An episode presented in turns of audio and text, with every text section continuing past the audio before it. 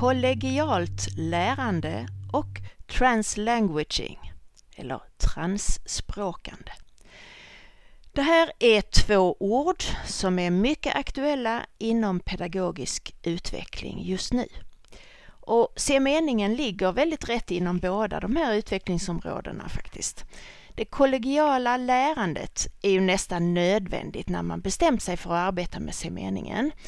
Man kan arbeta själv också naturligtvis, men det är bäst, det bästa är om ett helt arbetslag eller en hel skola delar samma arbetsmetod just vad gäller detta materialet. Sen kan klasserna ha olika läroböcker, men man delar se meningen. Eh, för då kan man diskutera tillsammans när olika moment ska komma in och hur man kan förklara och arbeta med dem. Och man använder varandra som bollplank. Och jag kan gärna också vara bollplank och komma till er skola och ha workshops och jag hjälper gärna till med svårigheter och får del av era idéer.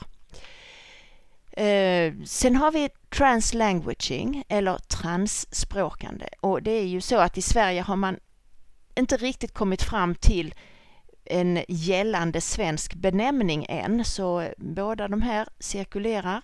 Och det betyder i alla fall att man använder flera språk för att lära en ny sak.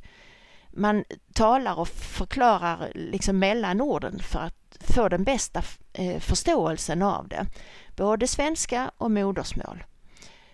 Och att kunna jämföra svenskan med sitt eget modersmål, allra helst tillsammans med en modersmålslärare, det ger en väldig fördel jämfört med att bara få förklaringarna på svenska. Eleverna får en helt, ett helt annat djup i sin förståelse av språket.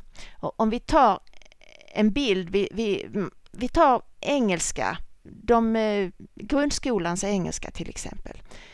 Man kan ju nästan säga att barn som lär engelska i skolan, de använder eller de får del av translanguaging.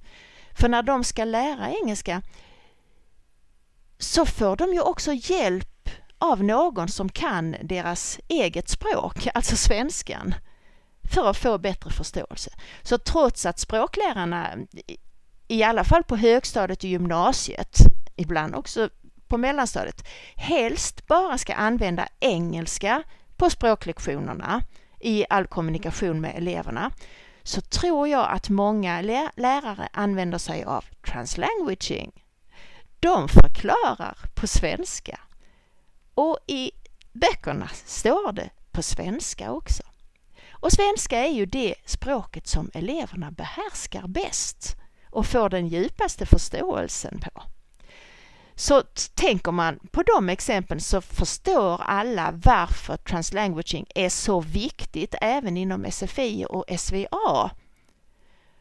För att få djup i förståelsen av grammatik och av ordens betydelse och av eh, även av temat som man jobbar med så måste ju eleverna få hjälp av en modersmålslärare eller av varandra i samma språkgrupp de måste hitta motsvarigheterna i sitt språk. Då får de en djupare förståelse. Och med se meningen så kan eleverna själv eller tillsammans med modersmålslärare diskutera språkets struktur på ett tydligt sätt med färger och satsdelar. Lycka till!